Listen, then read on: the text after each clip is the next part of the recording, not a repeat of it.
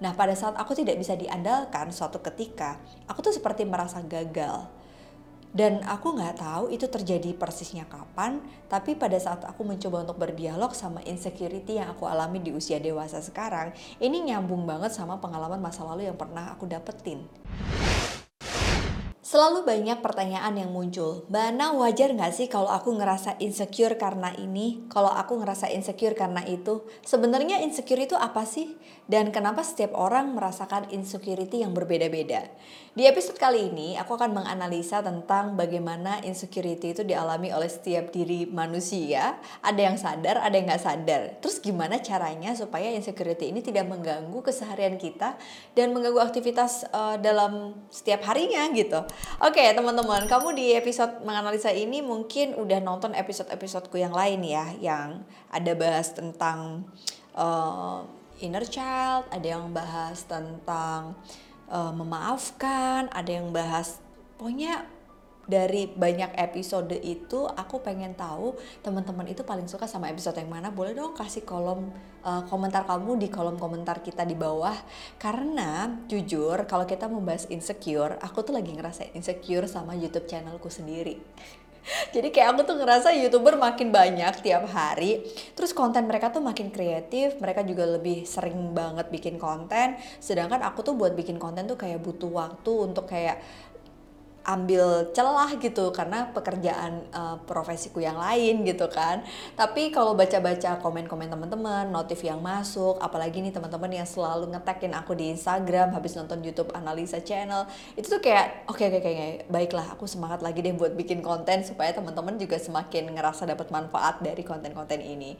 Nah ngomong-ngomong soal insecure insecure ini ya teman-teman aku coba jelasin dulu. Jadi insecure itu sebenarnya adalah nih kalau aku baca nih ya Intinya persepsi diri kita bahwa diri kita itu memiliki kekurangan yang membuat kita jadi nggak nyaman, merasa nggak aman, dan bahkan ada yang tertekan. Karena kita berusaha untuk menutupi itu gitu. Dan hal ini tuh kemudian membuat kita tuh jadi kayak ngerasa nggak pede, ngerasa panik kalau misalnya harus menghadapi situasi yang membuat kita tuh jadi kelihatan salah, kelihatan bego, kelihatan kurang perfect gitu kan. Dan ini dialami oleh semua manusia. Jadi sebenarnya insecurity setiap orang itu berbeda-beda dan ini dipengaruhi oleh setiap pengalaman hidup yang dialami oleh individu itu sendiri. Nah setelah menilik banyaknya kondisi insecurity setiap orang yang beda-beda, ini tuh ternyata sangat dipengaruhi oleh pengalaman hidup yang dialami. Jadi misalnya nih kalau kamu pernah mengalami kegagalan, penolakan, lalu ada trauma di masa lalu gitu kan yang membuat kamu sadar bahwa pengalaman itu adalah sesuatu yang mengancam dan membuatmu tidak aman, ini biasanya akan berkorelasi dengan apa yang kamu khawatirkan di masa sekarang. Jadi aku kayak kasih gambaran ya teman-teman. Uh, pernah suatu ketika ada satu penolakan yang aku alami dalam hidup gitu. Jadi waktu aku baca jurnal ini, ternyata uh, Greenberg di tahun 2015 dia menuliskan penyebab orang mengalami insecurity ini adalah trauma di masa lalu yang tidak disadari. Dan biasanya ini terjadi karena sikap-sikap perfeksionis, yang dimunculkan akibat pola asuh dari orang tua dan kecemasan sosial yang diyakini sebagai sebuah kebenaran. Nah, kayak aku flashback gitu. Dulu waktu kecil karena orang tua e, memberikan pendidikan bahwa anak perempuan tuh harus begini, anak perempuan tuh harus begitu gitu ya. Itu tuh kayak maksudnya baik, nggak ada yang salah sama value itu. Tapi tanpa aku sadari, ternyata aku menginternalisasi itu sebagai sebuah hal yang aku pegang terus dalam hidup dan itu membuatku menjadi kayak satu dorongan untuk terlihat aku jadi anak perempuan yang baik, yang yang sempurna gitu kan. Itu nggak sadar karena mungkin aku anak satu-satunya perempuan, jadi kakakku cowok, adikku cowok, orang tua memberikan pola asuh yang mungkin pengennya anak perempuan ini tuh bisa menjadi anak perempuan yang bisa diandalkan gitu kan. Nah pada saat aku tidak bisa diandalkan suatu ketika, aku tuh seperti merasa gagal dan aku nggak tahu itu terjadi persisnya kapan, tapi pada saat aku mencoba untuk berdialog sama insecurity yang aku alami di usia dewasa sekarang, ini nyambung banget sama pengalaman masa lalu yang pernah aku dapetin. Satu itu. Yang kedua, pernah ada pengalaman penolakan. Jadi manusia itu nggak bisa memaksa orang lain menyukai dia, menerima dia. Sikap orang lain tuh nggak bisa kita kendalikan. Suatu ketika ada satu momen di mana aku merasa ditolak. Aku nggak tahu ya beneran ditolak apa enggak. Tapi kayak ada ya di masa kita lagi mencari identitas remaja gitu kan. Untuk masuk di dalam suatu kelompok tertentu tuh seperti sebuah identitas yang membuat kita tuh merasa diterima. Dan itu nggak bisa dipaksain karena itu kayak hukum alam ya, hukum rimba gitu kan. Nah pada satu waktu aku nggak bisa masuk nih di circle itu. Dan perasaan untuk ditolak itu tuh membuatku sekarang jadi insecure kalau aku harus bergaul sama orang baru. Jujur orang melihatku punya banyak temen followersnya banyak subscribersnya banyak tapi sampai sekarang aku tuh masih insecure untuk deket sama orang lain. Jadi kayak aku ada satu ketakutan kayaknya nanti aku bakalan ditolak nggak ya sama orang itu? Kayaknya nanti aku diterima nggak ya sama orang ini itu tuh masih sampai sekarang teman-teman. Jadi kita ternyata psikolog juga manusia wajar punya insecurity karena menurut Greenberg insecurity ini muncul disebabkan oleh bisa jadi trauma yang kita nggak sadari bisa jadi karena kesalahan atau mungkin ketidaksesuaian pengasuhan di masa lalu oleh orang tua pengalaman pernah ditolak gagal. Emang ada hidup orang yang nggak pernah ada gagal dan ditolak? Kecemasan sosial yang diyakini menjadi sebuah kebenaran atas dirinya sampai membuat dia perfeksionis dan ini membuat orang-orang yang mengalami insecure ada yang aware insecure itu dia miliki ada yang nggak aware. Nah kalau nggak aware orang-orang yang insecure ini biasanya mereka akan melakukan beberapa hal yang nggak disadari untuk membuat orang lain insecure juga. Sering nggak sih ada orang yang kalau ngomong pedes banget? Sebenarnya itu adalah bentuk insecurity dia yang dia nggak sadari karena aku menemukan orang-orang yang secure sama hidupnya, dia nggak punya waktu untuk membuat orang lain terluka dengan kata-kata nyinyir dia atau ngurusin hidup orang lain. Tapi kalau aku lagi insecure atas sebuah kondisi tertentu, kayak baru ngeh gitu, oh aku tuh lagi insecure sama ini, pantesan aku agak iri ya ngeliat hidupnya ini. Karena kita akan terus melakukan social comparison gitu pada saat kita insecure itu muncul, yang ada tuh membandingkan dan bisa jadi membandingkan membuat kita jadi insecure. Nggak tahu tuh duluan yang mana. Tapi kalau orang yang udah secure dia kalaupun membandingkan dia selalu punya point of view yang lebih positif. Kayak yang lebih apa ya ngapain sih aku harus mikirin apa yang nggak aku punya? Toh aku punya ini toh aku punya itu. Akhirnya dia berfokus kepada kelebihan dan sesuatu yang dia miliki dalam hidupnya daripada yang enggak.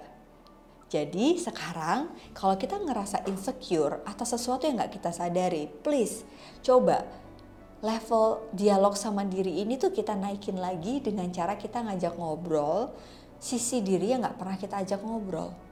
Kalau kita lagi terluka atau kita ngerasa insecure, coba pahami situasinya. Aku insecure kenapa? Itu caranya. Aku insecure gara-gara apa ya?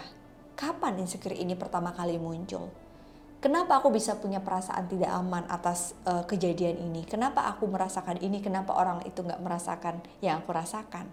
Jadi pada saat kita memahami diri kita dengan baik, pengetahuan diri kita cukup komprehensif, pemahaman yang orang lain buat tentang kita tidak mempengaruhi hidup kita. Jadi self criticism itu bagus, tapi kalau tidak dipahami dengan pengetahuan atau self knowledge yang baik, self criticism ini akan dipengaruhi oleh kritikan-kritikan orang yang gak masuk dalam circle positif hidup kita, teman-teman. Tapi kalau kita punya pemahaman diri yang baik, misal nih, mungkin badan kita nggak kayak model, mungkin berat badan kita sedikit lebih atau kurang. Tapi pada saat kita memahami diri kita itu cantik dengan apa yang kita punya, kita bisa punya prestasi yang kita banggakan, kita punya kepribadian yang menyenangkan, kita punya sesuatu yang bisa membuat kita jadi orang lain jadi nyaman sama kita, maka fokus tentang pemahaman diri yang tidak langsing, yang ke, terlalu kurus, terlalu gemuk dan lain sebagainya itu tidak menjadi masalah dalam pemahaman diri kita. Jadi teman-teman, kalau kita bahas di media sosial sekarang tuh kan kelihatan banget ya, semua tuh serba visual, mulai dari fisik, mulai dari prestasi, pencapaian, harta, kepemilikan, dan itu semua mempengaruhi yang namanya self esteem manusia.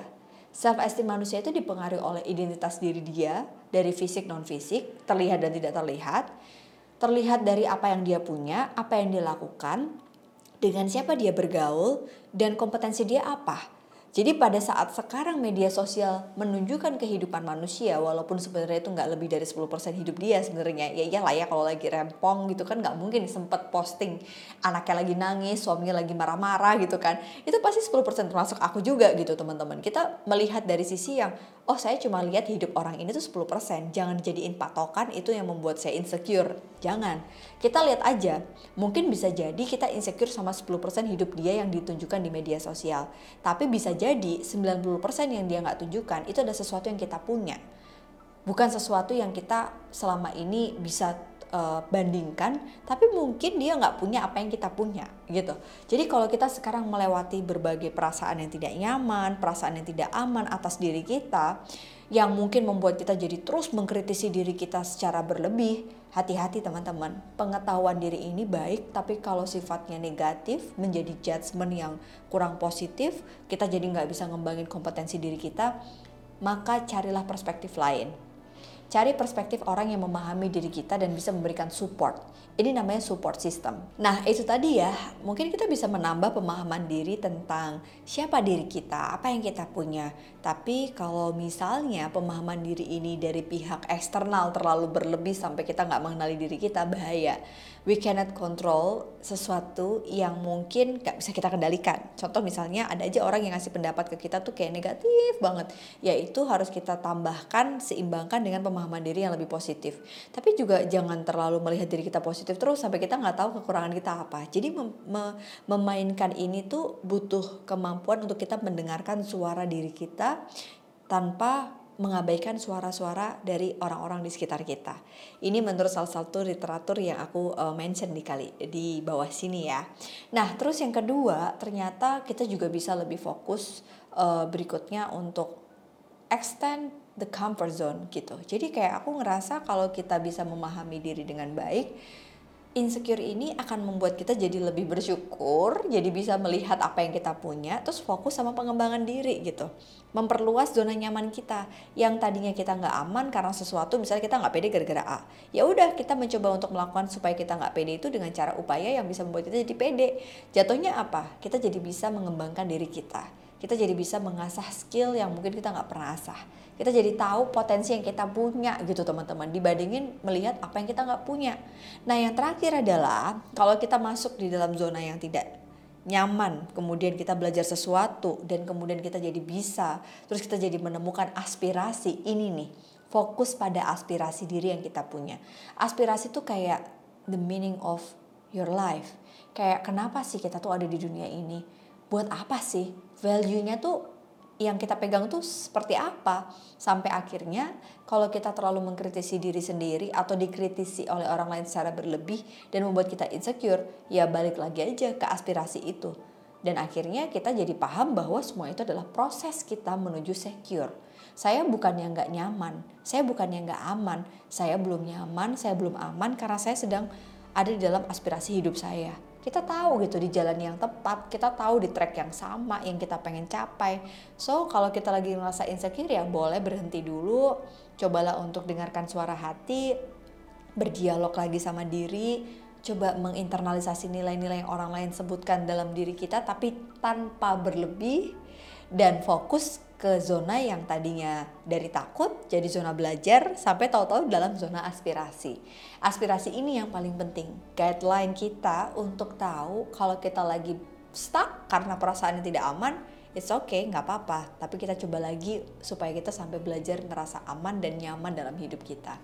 Nah, teman-teman, insecure ini tuh bukan sesuatu yang bisa mendefinisikan siapa diri kita, mendefinisikan apa yang kita punya atau ya bukan sesuatu yang apa ya yang sifatnya selamanya gitu. Ini tuh cuma sementara.